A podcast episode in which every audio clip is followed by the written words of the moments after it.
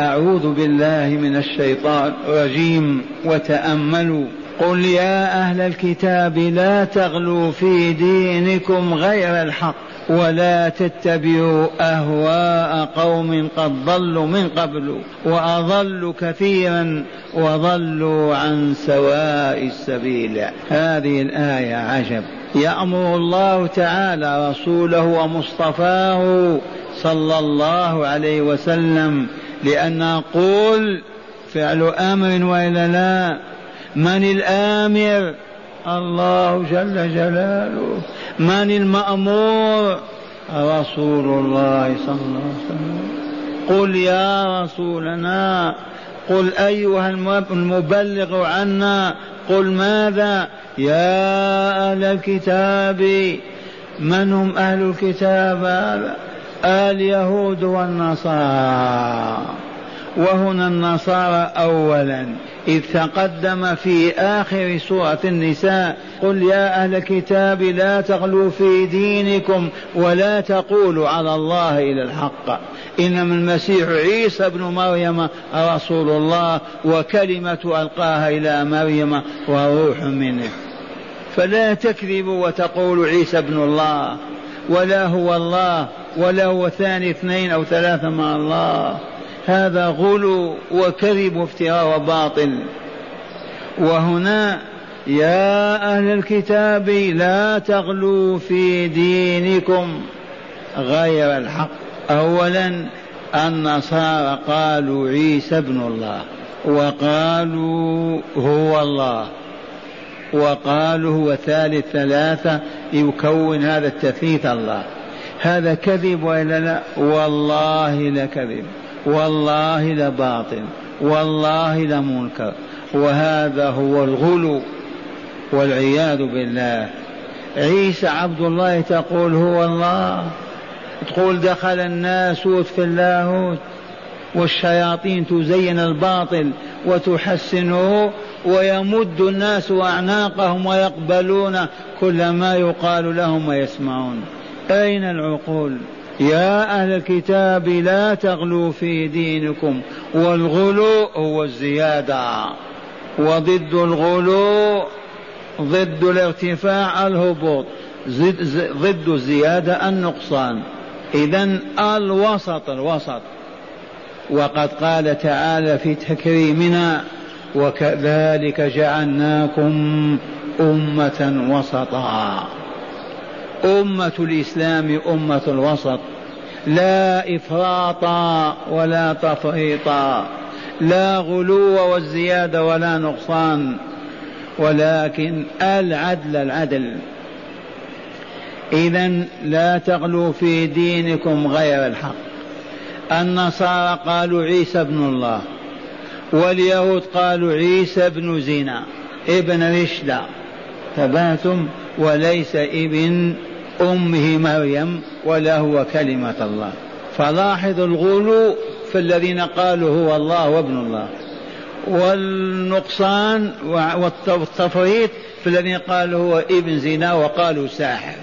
اليهود إلى الآن يقول عيسى يقولون عيسى ساحر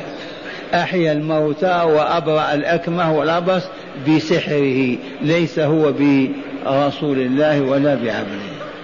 ولا تتبعوا أهواء قوم قد ضلوا أهواء جمع هوى والهوى والعياذ بالله هو ما تمليه النفس وتزينه الشياطين ويهوي به الإنسان إلى أن يصبح كالحيوان ويسقط به ويهوي في جهنم قوم لا تتبع هواء قوم قد ضلوا من قبل من هم غلاة اليهود والنصارى وأضلوا كثيرا من الناس ضللوهم وأضلوهم وأخرجوهم عن الحق لأنهم يريدون أن يتبعوهم على هواهم وباطلهم وضلوا عن سواء السبيل مرة واحدة وخرجوا عن الطريق المستقيم الموصل إلى رضا الله عز وجل وسعادة الإنسان في الدنيا والآخرة هذا من رحمة الله هذا من إحسان الله لعباده يامر رسوله محمدا صلى الله عليه وسلم أن ينادي أهل الكتاب بهذا العنوان اليهود والنصارى ويقول لهم لا تغلوا في دينكم غير الحق وإذا كان اليهود والنصارى نهوا عن الغلو فهل نحن مسموح لنا بذلك نحن قبلهم مأمورين بالعدل والاستقامة لا إفراط ولا تفريط لا غلو ولا نقصان ولكن ما جاءنا عن الله ورسوله صلى الله عليه وسلم عقيده اعتقدناها قولا قلنا به عملا عملنا به ولا نقدم ولا نؤخر ولا نزيد ولا ننقص إذ الزيادة كالنقصان تبطل العمل وتفسده ويصبح العمل لا يزكي النفس ولا يطهر الروح إذا نؤمن بما آمن به رسول الله وأصحابه ونقول ما قاله رسول الله وأصحابه ونعمل ما عمل به رسول الله وأصحابه ولا نزيد ولا ننقص لا غلو ولا إفراط ولا تفريط نحن أولى بهذا وإن كانت رحمة الله تجلت في بعثة رسول صلى الله عليه وسلم إلى الناس كافة قل يا أيها الناس إني رسول الله إليكم جميعا أبيضكم كأصفركم وأولكم كآخركم أنا مبلغكم عن الله ما به تسعدون وتكملون فآمنوا واتبعوا أما الزيادة والنقصان في الدين من شأن هذه الزيادة والنقصان أن تبطل الدين وتعطل مفعوله ولا يصبح منجحا ولا منجيا ولا يفي يفوز به احد والرسول يقول عليكم بسنتي وسنة الخلفاء الراشدين المهديين بعدي عضوا عليها بالنواجذ وإياكم ومحدثات الأمور فإن كل محدثة وجدت بعدي والعياذ بالله تعالى بدعة وكل بدعة ضلالة وإليكم سر هذا الطعام يشبع وإلا لا يشبع والماء يروي الشارب وإلا ما يروي والنار تحرق الأجسام أو لا تحرق والحديد يقطع أو لا يقطع هذه سنن تتبدل يعني يأتي يوم يصبح الآكل ما يشبع والشارب ما يرتوي والنار ادخل فيها تمرغ عليها ما تحرق الحديد ما يقطع أي جسم ممكن هذا يقع ما يقع سنة الله لا تتبدل فكذلك العبادات التي شرع الله لعباده هذه العبادات سر شرعيتها لما والله من أجل تزكية النفس وتطهيرها لأن السعادة كالشقاء متوقف على زكاة النفس وخبثها إذا زكت النفس بمعنى طابت وطهرت كما تطهر الثياب والأجسام هذه النفس إذا زكت وطابت وطهرت قبلها الله ورضي عنها ورفعها إليه لتسعد في عالم السعادة فوق هذه السماوات السبع في ذلك العالم الأعلى وإذا خبثت النفس وأنتنت وتعفنت ما قبلها ولا رضي عنها وجعل مصير مواها الدركات السفلى في العالم الأسفل واقرأوا والتين والزيتون الله يحلف والتين والزيتون وطور سينين وهذا البلد الأمين لقد خلقنا الإنسان في أحسن تقويم ثم رددناه أسفل سافلين اللهم إلا الذين آمنوا وعملوا الصالحات الإيمان الصحيح والعمل الصالح من شأنهما تزكية النفس وتطهيرها فمن آمن وعمل صالحا زكى نفسه وطيبها وطهرها بمجرد أن يموت بمجرد أن تنفصل الروح عن البدن يعرج بها الملائكة إلى الملكوت الأعلى لتبقى هناك فتسعد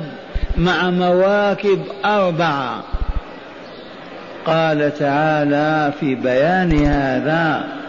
ومن يطع الله والرسول ومن يطع الله والرسول من انسي كان او جنيا ابيض او اسود في الاولين او الاخرين من ذكرا كان او انثى فقيرا او غنيا من يطع الله والرسول طاعة الله وطاعة الرسول في أي شيء يا عباد الله يا إماء الله فيما يأمران به وينهيان عنه في شيء غير هذا في الطاعة الذي يأمر الله تعالى بفعله أو قوله أو اعتقاده عمله طاعة الله والرسول فيه تزكي النفس البشرية وتطهرها ما ينهى الله ورسوله عنه من اعتقاد فاسد أو قول سيء أو عمل غير صالح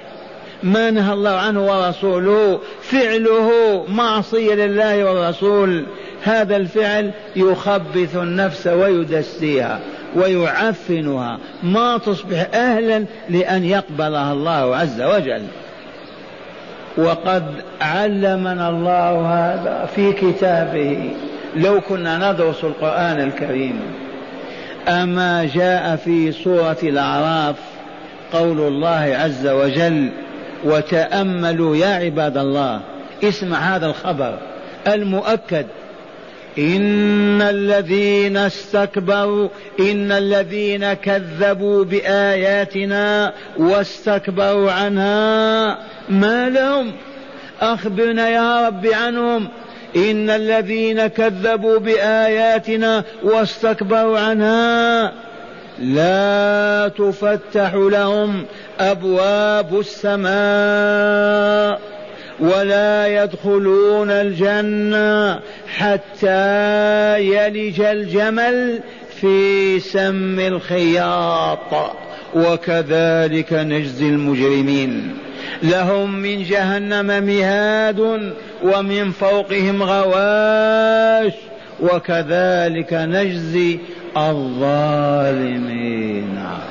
الذين كذبوا بآيات الله ما عملوا بها والا لا الذين كذبوا بايات الله ما عملوا بها والا لا لو امنوا لعملوا واستكبروا عنها والمستكبر يعبد الله يغتسل من جنابه ويصوم ويصلي لا لانه مستكبر هؤلاء المكذبون المستكبرون ماذا يقول تعالى عنهم لا تفتح لهم أبواب السماء لما ياخذ ملك الموت واعوانه الروح ويستلونها من الجسم يعرجون بها ما ان يصل الى السماء الدنيا فيستاذنون للدخول فيها فوالله لا يؤذن لهم لا تفتح لهم ابواب السماء ثانيا ولا يدخلون الجنة إلا على مستحيل هذا من باب أن يفهم البشر كلام الله تعرفون المستحيل وإلا لا الذي لا يمكن أن يتم بحال ما هو الشيخ الآن يحمل هذه القاعدة ممكن هذا لأن نرفع راسه نحمل السقف مستحيل وإلا لا أو ما هو مستحيل المستحيل هو الذي لا يقبل العقل وجوده إذا حتى نعرف ببساطة هل البعير الأورق الجمل الكبير تدخل في عين إبرة ماذا تقولون يجوز يعني ممكن مستحيل إذا فصاحب الروح الخبيثة المنتنة المتعفن بأوضار الشرك والذنوب والمعاصي مستحيل أن تفتح لها أبواب السماء أو تدخل الجنة فاسمع قول الله تعالى ومن يطع الله والرسول من عربي أو عجمي أبيض أو أسود أو أصفر من ذكر أو أنثى يطع الله والرسول فأولئك أي المطيعون مع الذين أنعم الله عليهم من النبيين والصديقين والشهداء والصالحين كم موكب أربعة كم موكب أربعة مواكب هؤلاء كل من يطع الله والرسول فهو معه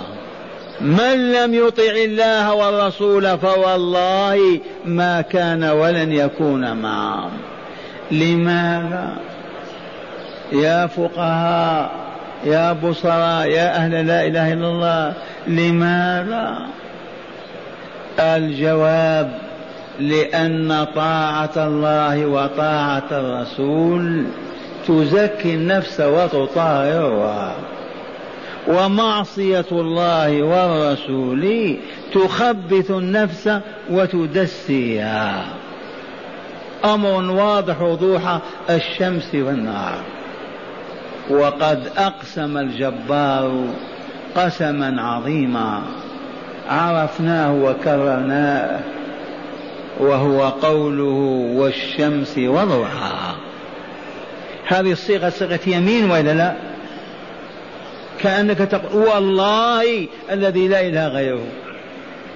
والشمس وضحاها والقمر إذا تلاها والنهار إذا جلاها والليل إذا يغشاها والسماء وما بناها والأرض وما طحاها ونفس وما سواها فألهمها فجورها وتقواها هذه الأيمان من أجل ماذا؟ من أجل قد أفلح من زكاها وقد خاب من دساها معاشر المؤمنين والمؤمنات واضح هذا الكلام وإلا لا يحلف الله بأعظم الأيمان والأقسام على هذه الحقيقة وهي قد أفلح أي فاز نجا من النار ودخل الجنة عبد أو أما زكى نفسه وخاب وخسر خسرانا أبديا عبد أو أما خبث نفسه ودسها رمى فوقها قاذورات الذنوب والآثام أمر واضح جلي من يطع الله والرسول فأولئك مع الذين أنعم الله عليهم إذا معاشر المؤمنين والمؤمنات الله يامر رسوله أن ينادي أهل الكتاب لأنه رسول الله إليهم وإلى الإنس والجن عامة يقول لهم يا أهل الكتاب لا تغلوا في دينكم يا أهل الكتاب لا تغلوا في دينكم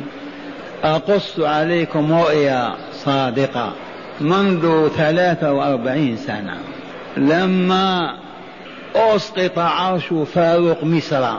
وحكم نجيب نجيب وعبد الناصر آه ماذا فعل الجهل فينا لما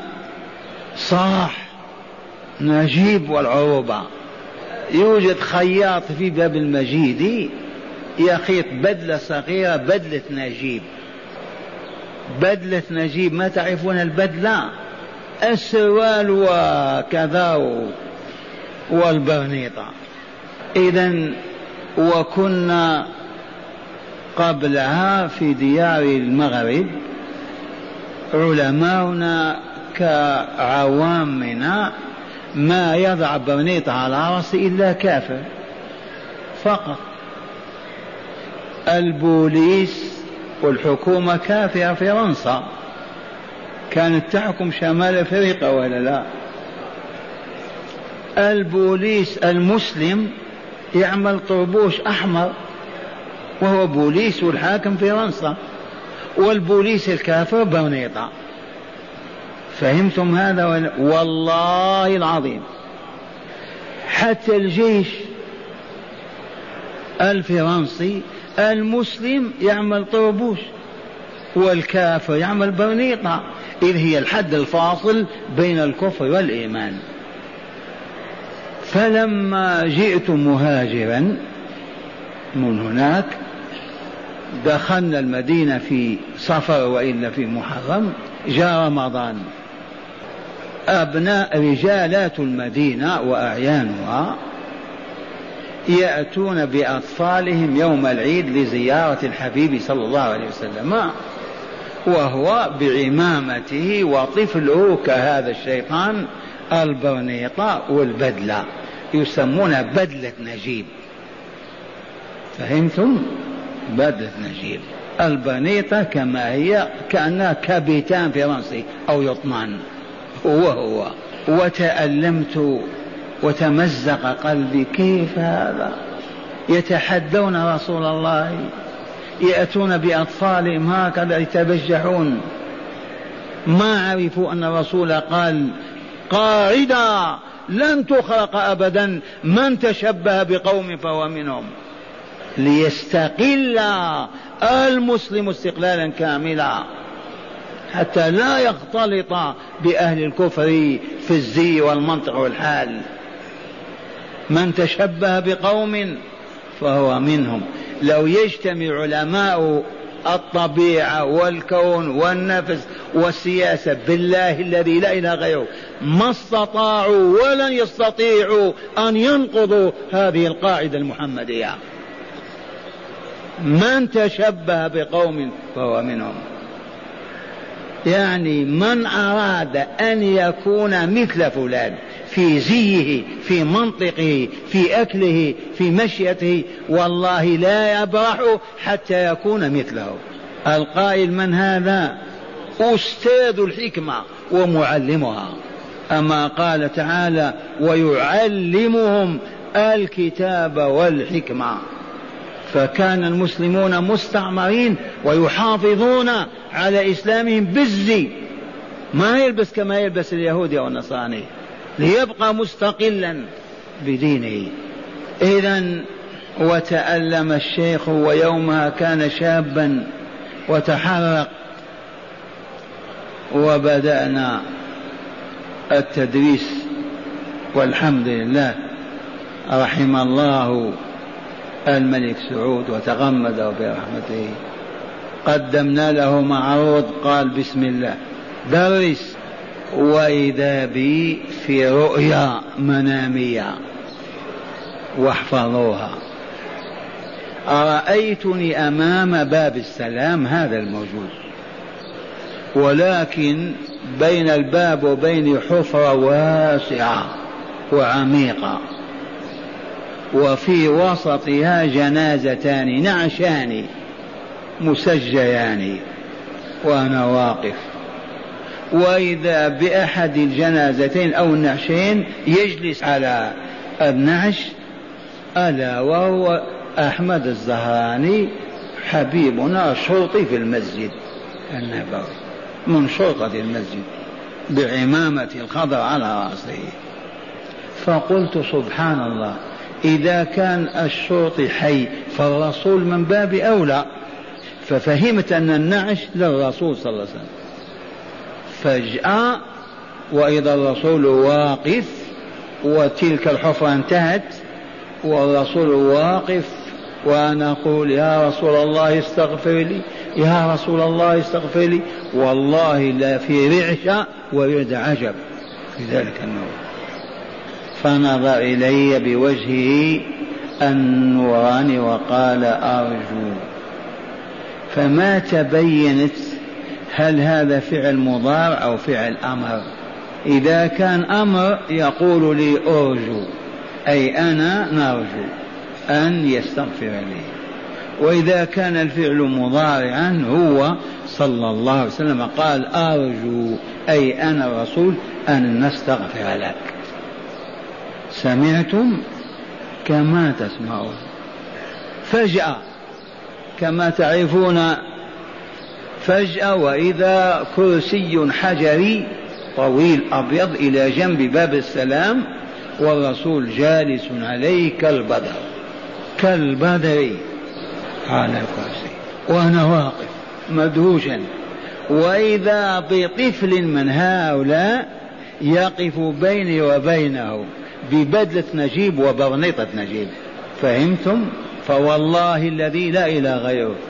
لقال بيدي هكذا أبمثل هذا يبتغون العزة والاستفهام للإنكار والتعجب أبمثل هذا يبتغون العزة ومن ثم والعرب في مهانة وذل واليهود يذلونهم في كل معركة لأن عبد الناصر ونجيب فرضوا على العرب أن يوحدوا جيوشهم بالبنيطة ومن ثم هل أعزنا الله آه انتصرنا على اليهود كم من معركة نخرج مهزومين ذي عبرة وإلا لا والحمد لله فترك أهل المدينة تلك البرنيطة لأولادهم ما إن سمعوا الرؤيا وتكررت كذا يوما أو شهرا حتى انتهت فجأة الآن وجدناها تظهر من جديد من هم الشياطين الذين يوردونها من التجار ويبيعون لأطفال المسلمين هم لا يعدون هذا شيئا أبدا ولكن أهل البصيرة يعرفون أنهم يريدون أن ينزلوا بناء من علياء السماء إلى هذه الأرض الهابطة شيئا فشيئا حتى يصبح نساؤنا كنسائهم ورجالنا كرجالهم وحكامنا كحكامهم وجيوشنا كجيوشهم إذا ماذا بقي للإسلام انتهينا زغردي يا إسرائيل وكبري وهللي انتصرت آه هل تذوقتم هذا حفظتم القاعدة المحمدية من تشبه بقوم فهو منهم أحب أم كره يوما فيوما وهو يتشبه حتى يصبح على مستواهم العقل والذوق والإيمان في الحياة كلها لا إله إلا الله محمد رسول الله متى نفيق من صحوتنا متى نرجع إلى طريقنا كبلونا قيدونا أبعدونا لا إله إلا الله هل تقوم لنا الحجة يوم القيامة على الله إذا قلنا يا رب هم فعلوا بنا هذا يقول ما لا بأس أنتم ظلمتم مقهورون ادخلوا الجنة والله ما كان الذي يعذر هو المضطهد المعذب بالحديد والنار على أن يقول كلمة الكفر أو على أن يسلك سبيل الشياطين بالحديد والنار هذا معذور قال تعالى إلا من أكره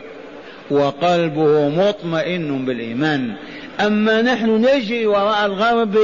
وراء شهواتهم ولذائذهم ونتفنن بفنونهم في الملبس والمأكل والمشرب والمنكح والمنطق والذوق والعمل ونقول مقهورون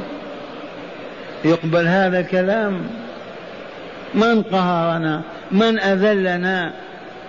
ما قلت لكم فرنسا كانت حاكمة وبريطانيا وما استطاعت أن تجبرنا على النصرانية أو على اليهودية حتى في الزي ما تلزمنا نحن الذين مددنا أعناقنا واتبعنا شهواتنا وأهواءنا فوقعنا في هذه المحنة التي لا تطاق هيا نخرج من منها من هذه المنحة هيا بسم الله ما نستطيع لما هل هناك أغلال وأكبال في أرجلنا وأعناقنا لا والله أبدا حرية كاملة اعبد الله في العالم بأسره ما في من يطردك أو يبعدك عن عبادة الله لا في أوروبا ولا أمريكا فضلا عن عالم الإسلام والمسلمين فقط سحرونا فاستجبنا هيا نبحث عن المخرج الجماعة الهائجة الحاكمية الخلافة يحلمون لو جاء عمر بن الخطاب يستطيع أن يفعل شيئا ما يستطيع حتى يهذبنا ويربينا وحتى يرانا مؤمنين موقنين مستقيمين ذكرنا لله وقلوبنا مع الله حينئذ إذا أمر يطاع فالرسول صلى الله عليه وسلم في مكة ثلاث عشر سنة أمر بأن تقام دولة الإسلام أو يقام حد في مكة أذن لأصحاب أن يغتالوا كافرا والله ما أذن أذن لأصحابي أن يعلنوا ويسبوا الكفار والمشركين ربي ما أذن, ما أذن في هذا واقرأوا سورة الأنعام ولا تسبوا الذين يدعون من دون الله فيسبوا الله عدوا بغير علم في مكة ما أذن الله ولا رسوله لمؤمن من أولئك المؤمنين وهم يعذبون ويضطهدون أن يغتالوا أو يقتلوا أو يسبوا أو يشتموا ثلاث عشر سنة لما نزل المدينة النبوية هل امرهم ان يغتالوا واحدا او يقتلوا مشركا او كافرا او منافقا ما اذن حتى وجدت الامه واصبحت قادره على ان تقاوم الكفر والكافرين نزل قول الله تعالى اذن من الاذن أذن للذين يقاتلون بأنهم ظلموا وإن الله على نصرهم لقدير الذين أخرجوا من ديارهم وأموالهم بغير حق إلا أن يقول ربنا الله الذين أخرجوا من ديارهم بغير حق إلا أن يقول ربنا الله إذا فالذين يطالبون بالجهاد والخلافة والله إنهم لمخطئون بالله الذي لا إله غيره إنهم لواهمون والله إنهم ليعيشون في متاهات وقد ذقنا المرار والام من هذه الصيحه في عده بلاد حتى هبطنا الطريق هو ان نؤمن ايمانا حقا وان نجتمع في بيوت ربنا نبكي بين يدي مولانا لا نسب ولا نشتم ولا نعير ولا نقبح ولا نكفر ولا نسخر ولا نستهزي لا بكاف ولا بمؤمن ولكن نجتمع في بيوت ربنا نستمطر رحماته نتعلم الكتاب والحكمه نساء ورجالا واطفالا فإذا أهل البلد أو الإقليم عافوا الله عز وجل معرفة يقينية وأعطوه قلوبهم ووجوههم واستقاموا على منهج الحق عقيدة وسلوكا حينئذ طابوا وطهوا والله لو رفعوا أكفهم وسألوا الله أن يزيل جبال لأزالها لو قالوا الله أكبر ودخلوا فلسطين لشرد اليهود وهربوا ولو بلا سلاح أما ونحن كل يوم نزداد هبوطا العقائد تذوب وتتحلل الأخلاق تذوب الأطماع تزداد الشره والطمع والتكالب على الدنيا وشهواتها ونعالج كيف نعالج كيف نعود ونحن نقول عائدون كيف نعود من نبدا كما بدا الله ورسوله في بيوت أذن الله أن ترفع ويذكر فيها اسمه يسبح له فيها بالغدو والآصال رجال لا تلهم تجارة ولا بيع عن ذكر الله وإقام الصلاة وإيتاء الزكاة من هنا نبدا أهل القرية يوسعون جامعهم حتى يتسع لأفرادهم نساء ورجالا وأطفالا أهل الحي في المدن كل مدينة فيها أحياء أهل الحي يوسعون جامعهم حتى يتسع لأفرادهم نساء ورجالا وأطفالا وإذا دقت الساعة السادسة مساء وقف دولاب العمل وتطهر النساء والرجال وجاءوا إلى بيت ربهم يبكون بين يديه يصلون المغرب هكذا كما صلينا والنساء وراء ستارة والفحول أمامهن والمعلم لهم كمجلسنا هذا والتعليم قال الله قال رسوله لا مذهبية ولا طائفية ولا حزبية ولا وطنية مسلمون أسلموا قلوبهم ووجوههم لله نور الله بين أيديهم وبرهانه فيهم هذا رسول الله وهذا كتاب الله يا أيها الناس قد جاءكم برهان من ربكم وأنزلنا إليكم نورا مبينا فأما الذين آمنوا بالله واعتصموا به فسيدخلهم في رحمة من وفضل ويهديهم إلى صراط مستقيم سنة واحدة في القرية أو في الحي وأهله يجتمعون يتعلمون ما تبقى فوارق ولا نزعات أبدا لا تقول أنا مالكي ولا شافي ولا حنبلي ولا أباضي ولا زيدي ولا اثني عشري ولا مسلم وتدرس كتاب الله قال الله جل جلاله يا أيها الذين آمنوا اتقوا الله حق تقاته ولا تموتن إلا وأنتم مسلمون واعتصموا بحبل الله جميعا ولا تفرقوا واذكروا نعمة الله عليكم إذ كنتم أعداء فألف بين قلوبكم فأصبحتم بنعمتي إخوانا ولا تسألني عن نتائج هذا الاجتماع على الكتاب والسنة والله ما يبقى مظهر للفقر المدقع ولا للظلم ولا للعبث ولا للجهل ولا للشرك ولا للخرافه ولا للضلاله وتصبح تلك القريه كانهم اسره واحده يعيشون ايام رسول الله صلى الله عليه وسلم ما في من يفتح عينيه ظلما او يقول كلمه سوء او يمد يديه اعتداء على اخوانه والله ما كان ولن يكون وثم ماذا يظهر تتجلى حقائق الرحمة الإلهية في عباده وليوم من الأيام ونقول الله أكبر فتسقط الدنيا أمامنا من غير هذا الطريق والله لا طريق وكل يوم نزداد هبوطا فهيا نرجع إلى الله يا عباد الله أسألكم بالله أي بلد إسلامي منع أهله أن يجتمعوا في بيت الله يدرسوا كتاب الله وسنة رسوله دلوني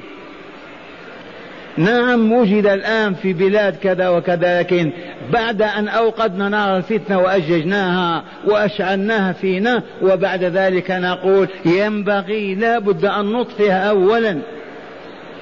أن نعلن عن خطأنا وزلاتنا ونتوب إلى ربنا في صدق ويومها يفتح الله أبواب السماء أما هكذا نزداد كل يوم هبوط فساد في العقائد في الآداب في الأخلاق تسيطر الشهوات وأطماعها واللذات والملاهي لا إله إلا الله من ينقذنا ما يبقى إلا أن نقول النجاة النجاة يا عبد الله اطلب النجاة لنفسك وإن هلك أهل القرية كلهم يا عبد الله اطلب النجاة لنفسك وإن هلك كل من في البلاد اطلب النجاة لنفسك قل أنا مسلم فقط واسأل كيف تعبد ربك وكيف تتملق بطاعته وعبادته على ضوء قال الله قال رسوله وانتظر الموت وتنجو من فتنه الدنيا وعذاب الاخره هذا هو الطريق هذا سبيل الله هذا سبيل النجاه يا علماء اين انتم اجمعوا أمتكم في كتاب على كتاب الله وسنة رسوله علموهم الآداب والأخلاق السامية لا سب ولا شتم ولا تحيير ولا تكفير ولا نقد ولا طعن ليس من شعار هذا أبدا المسلم لا يقول كلمة السوء طول حياته المسلم لا يمد يده بسوء أبدا لأي كان إنسيا أو جنيا مؤمن مسلم لو قام العلماء بهذا ونهضوا وقد قدمنا لهم رسالة بعنوان كتاب مفتوح إلى علماء الأمة وحكامها يا علماء زوروا حكامكم وتفاهموا معهم واجمعوا اجمعوا أمتكم في بيوت الله هذه الساعة والنصف وباقي الساعات في المزارع والمصانع اشتغلوا وأنتجوا زكوا أنفسكم وطيبوا أرواحكم وتهيأوا للملكوت الأعلى دار السلام فإن الله قد أصدر حكمه قد أفلح من زكاها وقد خاب من دساها